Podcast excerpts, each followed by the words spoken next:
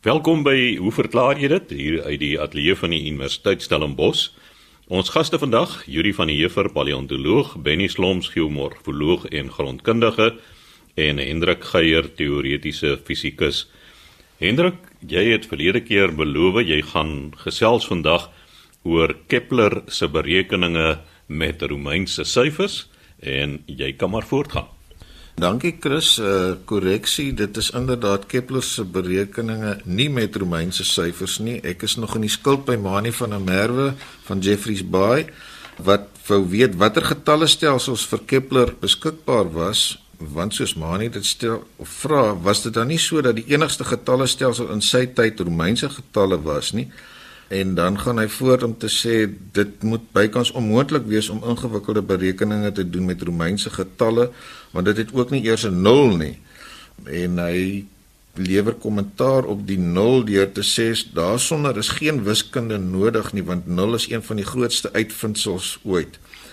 Chris net in reaksie op maniese verwysing na nul As jy 'n kopie kan kry maanie van 'n boek deur John Barrow, The Book of Nothing, dink ek jy sal dit geniet om dit te lees. Daarin gaan hy die geskiedenis van nul soos wat dit in die getalle strukture ingevoer is, gaan hy dit na as ook skryf hy verder oor die begrip niks soos wat dit in die fisika na vore kom beide as die begrip van 'n vakuum soos wanneer 'n mens met gas werk byvoorbeeld maar 'n vakuum is ook 'n belangrike konsep in kwantumvelde teorie so kyk gerus of jy John Barrow se The Book of Nothing kan kry om meer hieroor te lees. Maar terug by jou spesifieke vraag dit is so dat die Arabiese of Hindu-Arabiese getalle al teen die 11de eeu in Europa bekend geraak het maar dat die Romeinse syfers nog tot so laat soos die 14de en 15de eeue in Europa in gebruik was onder andere in besigheidstransaksies en dies meer. Maar seker sekerlik toe Kepler geleef het 1571 tot 1630 dit wil sê laat 16de tot vroeë 17de eeu was die Arabiese getalstelsel beslis al in algemene gebruik in Europa gewees. En 'n mens kan nagaan Ek het afgekom op skanderings van 'n paar bladsye uit Kepler se magnum opus die Astronomia Nova wat in 169 gepubliseer is en daar kan jy in sy eie handskrif sien hoe hy Arabiese syfers gebruik het en terloops die betrokke boek of een van die eerste druk eksemplare van hierdie boek het ek agtergekom is in 2013 op 'n veiling vir 620 000 rand verkoop. So interessant dat so 'n boek nog bestaan het en selfs in privaat besit kon beland het. Net vinnig oor wat Kepler agtergekom het van die twee bekendste van sy wette is natuurlik die feit dat alle planete in ellipse beweeg met die son by een fokuspunt. In die geval van die aarde is hierdie ellips feitelik volledig 'n sirkel. En die ander een is dat die lyn tussen die son en die planeet gelyke areas in gelyke tye bestryk soos wat 'n planeet om die son beweeg. Maar al daardie ingewikkelde berekeninge wat hy kon maak deur gebruik te maak natuurlik van data wat ook deur Tycho Brahe versamel is, dit het hy beslis gedoen deur van Arabiese syfers gebruik te maak. Nou Chris, ek wil dan voortgaan om vinnig aandag te gee aan 'n baie interessante skrywer wat ons van Danny Fourie gekry het. Nou Danny skryf en hy sê Hy wil graag hê ons moet 'n bietjie meer praat oor die konsep van swaartepunt. Maar hy sê dis vir hom interessant veral wanneer 'n mens van voertuie praat want hy ry met 'n groot swaar Duitse voertuig. Nou hy maak die waarneming dat as verskillende voertuie teen 'n helling ry, soos hy dit stel horisontaal, dan is dit so dat 'n hoër voertuig soos 'n dubbeldekker bus makliker sal omkantel as 'n plat voertuig. En dan vra hy verder kan 'n mens die swaartepunt van 'n voertuig verander? Byvoorbeeld versteur 'n mens die voertuig se swaartepunt as jy 'n klomp goed soos tente ensovoorts op die dakrak laai. Alternatief maak jy dalk die swaartepunt laer deur die wiele buite die bakwerk te monteer. Chris, kom ek begin deur te verwys na massa middelpunt wat dieselfde is as swaartepunt laasgenoemde gebruik 'n mens as jy spesifiek oor die invloed van swaartekrag op enige liggaam praat en as 'n stukkie agtergrond net die stelling dat 'n mens intuïtief natuurlike aanvoeling het vir wat die massa middelpunt is van enige voorwerp. In twee dimensies is dit die maklikste om dit te verduidelik vir iets wat 'n geometriese struktuur het soos 'n skyf of 'n vierkant, is dit eenvoudig die geometriese middelpunt van so 'n kom ons noem dit nou maar 'n plaat. Maar enige willekeurige vorm kan 'n mens die swaartepunt van bepaal deur dit op te hang aan twee verskillende punte en van die hangpunt af net 'n loodlyn te laat afhang en waar hierdie twee loodlyne mekaar kruis is die swaartepunt. So dit beteken as jy 'n willekeurige vorm het sê maar van 'n metaalplaat, dit hoef ook nie 'n dun plaat te wees nie solank die dikte net oral eweredig is, sal dit die punt wees wat as jy dit op 'n mespunt as dit ware balanseer dat hy inderdaad daar sal balanseer. Nou interessant, die swaartepunt van 'n liggaam hoef nie op die liggaam self te wees nie.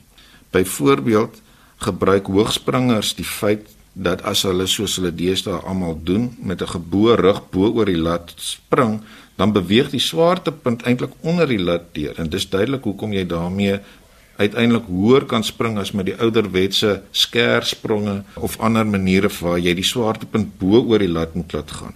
Mens kan hierdie effek baie mooi demonstreer met 'n bekende eetkamer demonstrasie waar jy 'n lepel en 'n vurk in mekaar inwig, die lepel tussen die tande van die vurk en jy doen dit natuurlik nou nie met jou beste eetgerei nie. As jy dit gedoen het, kry jy 'n stabiele boogvormige metaalstruktuur. Nou as jy deur een van die tande van die vurk 'n tandestokkie druk, en dan daai tandestokkie op die kant van 'n glas byvoorbeeld laat lê, kan jy die hele struktuur 'n bietjie heen en weer beweeg en uiteindelik bereik jy 'n punt waar die struktuur mooi in balans is. Dit val nie af van die rand van die glas af nie en dit lyk eintlik asof hierdie lepel en vurk wat in mekaar geforseer is, gravitasie oorkom het.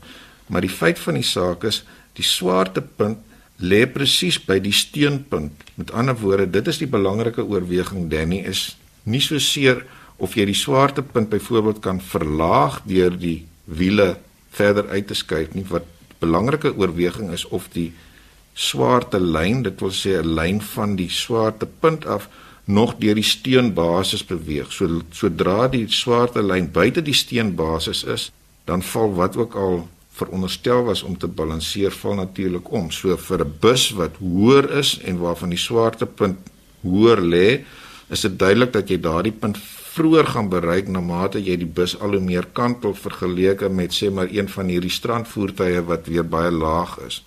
So kortom, jou vermoede dat wanneer jy 'n voertuig na boontoe laai jy die swaartepunt verhoog is inderdaad so en as jy die voertuig se wiele verder spasieer verlaag jy nie die swaartepunt nie maar die stabiliteit word verhoog omdat die swaarte lyn deur die steunpunt gaan en Chris Ek moet daarom hierdie stukkie inligting weer met die luisteraars deel. Hulle sal baie van julle sal onthou dat in 1997 het Mercedes-Benz 'n nuwe voertuig vrygestel wat onder toetsomstandighede wat genoem word die Moose test. Dit is 'n Sweedse toets waar voertuie veronderstel is om teen 'n konstante spoed, ek dink hulle bepaal dit as 62 km per uur. Vra my nie hoekom nie, moet so voertuig kan uitswaai en terug op sy oorspronklike traject beweeg sonder om natuurlik om te val en dis presies hier waar die Mercedes voertuig die toets gedop het en ek het nagegaan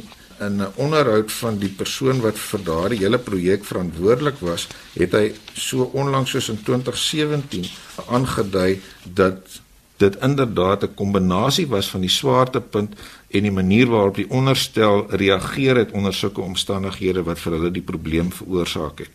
Terloops, die manier waarop Mercedes daardie hele debakel hanteer het, word deesdae nog by sakeskole voorgehou as 'n uh, goeie praktyk van hoe om met so 'n krisis te werk te gaan. Hulle het oop kaarte gespeel alhoewel hulle aanvanklik ontken het dat dit 'n voertuigprobleem was, hulle die bandvervaardigers en allerlei ander verskonings gehad, maar na 19 dae het hulle die publiek in hulle volle vertroue geneem en klaarblyklik tot hulle eie voordeel die ontwerp verander en uiteindelik weer die koperspubliek sover gekry om positief te reageer op daai bemarkingsveld tog van hulle. So sê Hendrik Geier, ons teoretiese fisikus. Nou Benny, 'n verskynsel wat ons die afgelope tyd heelwat te doen gehad het mee, is waaisand uit die Wes-Kaapse droë opgaardamme en by Teewaters Kloof het dit selfs gebeur dat die pad in 'n stadium gesluit moes word. Baie dankie Chris. Goeiemôre luisteraars. Ek het 'n skrywe van Neil Botha ontvang wat navraag doen oor waaisand wat hy waargeneem het by Kwaggaskloofdam net daar buite Woester gedurende Junie hierdie jaar. Nou sy vraag is: Wat is hier aan die gebeur en kan dit bekamp word? Nou Neil, wat jy waarneem is 'n normale verskynsel wat voorkom by sommige van die Kaapse opgaardamme gedurende laat herfs en vroeë winter. Hierdie sommige damme is die Teewaterskloofdam, Brandvlei en Kwaggaskloofdamme. Aan die einde van 2018 se somer was damvlakke hier by ons op rekord laagtepunte en die eerste goeie reëns het eers aan die begin van Junie gekom. Nou in die Wes-Kaap kry ons reën afkomstig van koue fronte wat gepaard gaan met sterk, soms stormsterk noordwestewinde. Nou groot oppervlakte sand was in hierdie 3 damme ontbloot as gevolg van die lae watervlak en gevolglik het ons grootskaalse winderosie gekry. Geelbruin stofwolke en sand is vanuit die damme gewaai in 'n suidoostelike rigting waar dit gedeponeer is en 'n mens kan die sandafsettings baie duidelik sien aan daardie kant van die damme. Hierdie jaar het daar veral vanuit die Teewaterskloofdam groot hoeveelhede sand uitgewaai en duine het letterlik langs die pad gevorm. Ek was self in so 'n sandstorm vasgevang tussen Vyeboom en die brug wat oor die Teewaterskloof loop hier gedurende middel Junie. Ek was totaal onbewus van hierdie toestand toe ek deur Vyeboom ry. Daar het 'n wind gewaai, maar nie stormsterk nie en deur Vyeboom was daar geen teken van sand wat getrek het nie. En skielik nadat ons daar so 'n paar draaie gery het en op die afdraand daar toe ek binne in hierdie sandstorm so vinnig dat daar was nie eers tyd gewees om voor dit te stop nie. Nou hierdie stofstorm, stof en sandstorm was baie baie erg. Die sig was 10 meter, definitief nie 15 meter nie. Daar was duine op die teerpad so 60 tot 80 cm hoog. En mens kon glad nie omdraai nie. Vanweer die swak sig kon jy nie voertuie van voorsien aankom nie. Ek ry toe maar deur. Daar was niks anders wat ek kon doen nie. So vir 2 tot 3 km en daarna was ek uit die sand en stof gewees die winderosie het slegs in 'n smal sone voorgekom en dit was so intens dat ek verlede week my vooruit moes vervang nou op dieselfde dag het ons 'n ete gehad by Kliphokrand. Daar hoog teen die berg, as jy se tuin deurgery het waar mense 'n pragtige uitsig het op Kwaggaskloofdam. Die winderosie daar was net so erg. Mens kon baie duidelik sien hoe die stof in die sand van die beide daardie damme Brandvlei en Kwaggaskloof van die noordweste in 'n suidoostelike rigting gewaai word.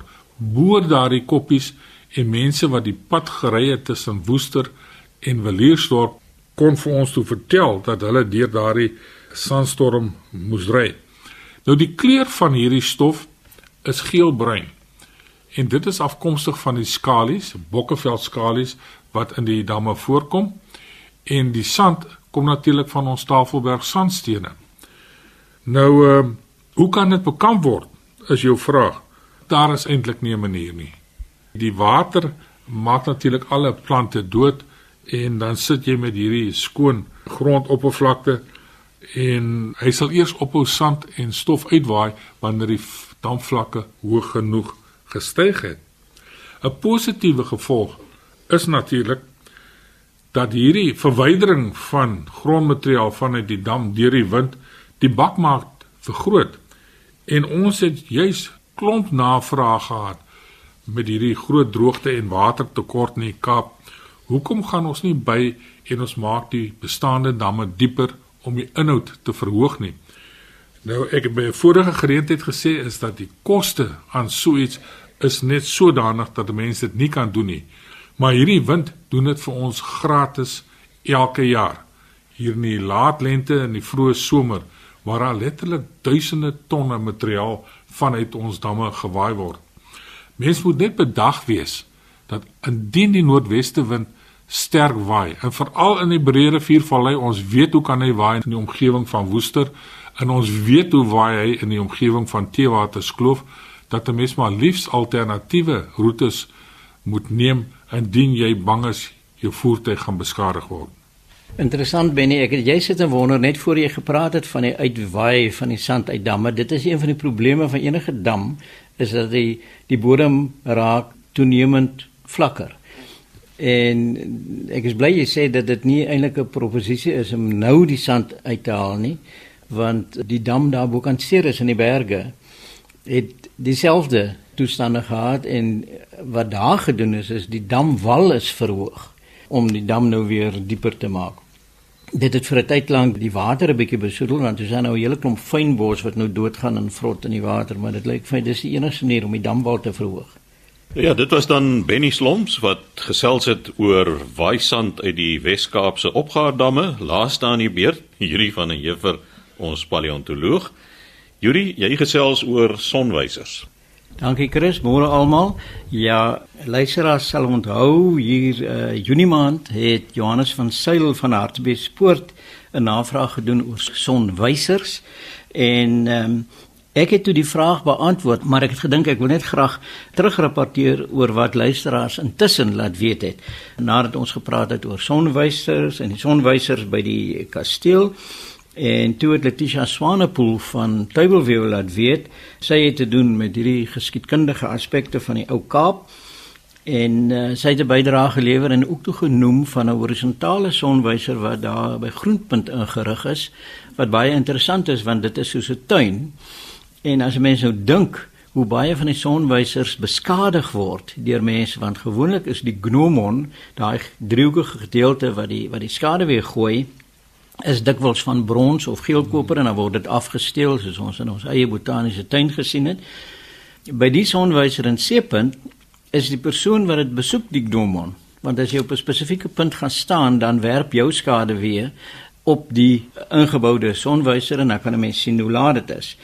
Nou om dit nou na te gaan, het ek afgekom op 'n uh, baie groot sonwyster in uh, Taiwan. Daar is 'n gebou gebou, die Taipei 101, omdat hy 101 verdiepings het en nog 5 verdiepings onder die grond op 'n stadium die hoogste gebou in die wêreld. En langs hom is 'n tuin aangelê en omdat Taipei 101 in dwarsnit vierkantig is, gooi die skaduwee van die een hoek 'n skerp lyn en dit word dan as 'n gnomon gebruik. So nou is die gebou vir hierdie sonwyser is 'n gnomon. En dit is nou nog die moeite werd om ook na te kyk saam met die geskiedenis van hierdie verskynsels. Maar daar het nou 'n brief gekom van 'n man met die naam van Rindert Uitma en hy sê hy bly al 40 jaar lank in Nederland, maar hy luister na jou program. So Dis nou die internasionale weergawe daarvan. Ek weet nie of dit in Nederlands uitgesaai word nie, maar in elk geval hy het 'n uh, sonwyser in sy huis gebou in een kamer. Is toegewy aan 'n sonwyser en deur middel van 'n prisma rig hy 'n sonstraal in die kamer in en dan werk die sonwyser soos die son trek. So ook in 'n vorige program het Willem de Pree 'n hele paar vrae gevra. Een was oor die oerknal en dit ons nie behandel nie want dit is al verskeie kere deur Henk met groot vaardigheid bespreek. Ek het aandag gegee aan van sy ander goed oor reïnkarnasie, die televisieprogramme en kontak met die dooies en dis soort van goed. En toe kom ek so met 'n riemtelegram agter dat nadat ek oor reïnkarnasie gepraat het en die bekende professor Stevenson wat toe nog nooit die kombinasie slot wat hy agtergelaat het kon dit oopmaak nie was die vraag toe op van hierdie gespreksgroepe wat doen 'n paleontoloog om oor reïnkarnasie te praat ek wil net kortliks daarop antwoord met respek Elkeen van ons is basies 'n liggaam en in jou liggaam het ons 'n brein. Dis 'n fisiese verskynsel en as ons kyk na die werk van die neurobioloog kan hulle toenemend vir ons verklaar deur hulle breinanalises en hulle metings hoe eintlik ons reaksies, ons optredes werk en ons weet dat ons morele ingesteldheid het 'n evolusionêre aanloop, nie morele kodes wat kultureel is nie, maar die morele ingesteldheid. En hulle kan ook dan uitsprake lewer oor watter oortuigings ons het ten opsigte van die lewe en dood en die soort van goed en natuurlik verskillende geloofsstelsels. So al hierdie goed het 'n evolusionêre agtergrond en reïnkarnasie hierdie idee dat 'n mens kan herbore word as iemand anderster of iets anderster as jy 'n slegte lewe gelei het, is dus 'n legitieme veld vir navraag as 'n mens van uit 'n evolusionêre agtergrond daarna kyk. So selfs 'n paleontoloog kan dan ietsie daaroor sê. Nou die uh, navraag wat Willem de Pre gehad het, het nog een verdere punt bygekry en dit is hy wou weet wat nou van mense soos hierdie profeet TB Josha van Nigerië. Die kerel het 'n kerk gestig met die naam van die sinagoge en dis 'n kerk van alle nasies. En hy stel homself voor as 'n profeet. Hy is ongelooflik populêr in Nigerië. Alhoewel hy verbann is uit sekere van die ander Afrika state, Hy het kritiek gekry van families wat hy lede van die familie sou genees het van kanker en dan het hulle gesterf. So hy het baie kritiek daar gekry. Ons het self die baie ongelukkige voorval gehad dat een van ons bekendste rugby spelers eh, wat ongeneeslik gediagnoseer is na hom toe gegaan het en ongelukkig is hy ook oorlede. Die profeet is op die swartlys geplaas deur die regering van Kameroen in 2010 en hy is beskryf as 'n seun van die duiwel. Nou profeet TB Josha beweer dat hy 15 maande in sy ma se baarmoeder deurgebring het en dat sy geboorte reeds in 1863 voorspel is. Nou dit maak van hierdie hele ding kwaksalwery. Maar 'n mens moenie nalat om te sê hy word beskou as die derde rykste man in Nigerië ongelooflik baie geld en hy sal vereer deur verskillende westerse regerings want hy doen geweldig baie humanitêre werk. In hierdie geldmaakproses van hom gebruik hy dit om talle beurse vir skoolkinders, vir universiteitsstudente te gee. Hy besit sy eie sokkerklub. Hy's geweldig invloedryk en hy's baie betrokke by 'n verskeidenheid van humanitêre bewegings en so mense kan sê as jy iets goeds van hom wil sê, hy doen goeie dade. Maar ek vrees dat die goeie invloed wat hy het en die goeie dade wat hy doen is eintlik gebaseer op kwaksalwery. So sê Judy van die Heever, paleontoloog, die tyd is alweer verstreke. Skryf gerus aan ons by hoe verklaar jy dit? Posbus 2551 Kaapstad 8000 of stuur 'n e-pos aan chris@rsg.co.za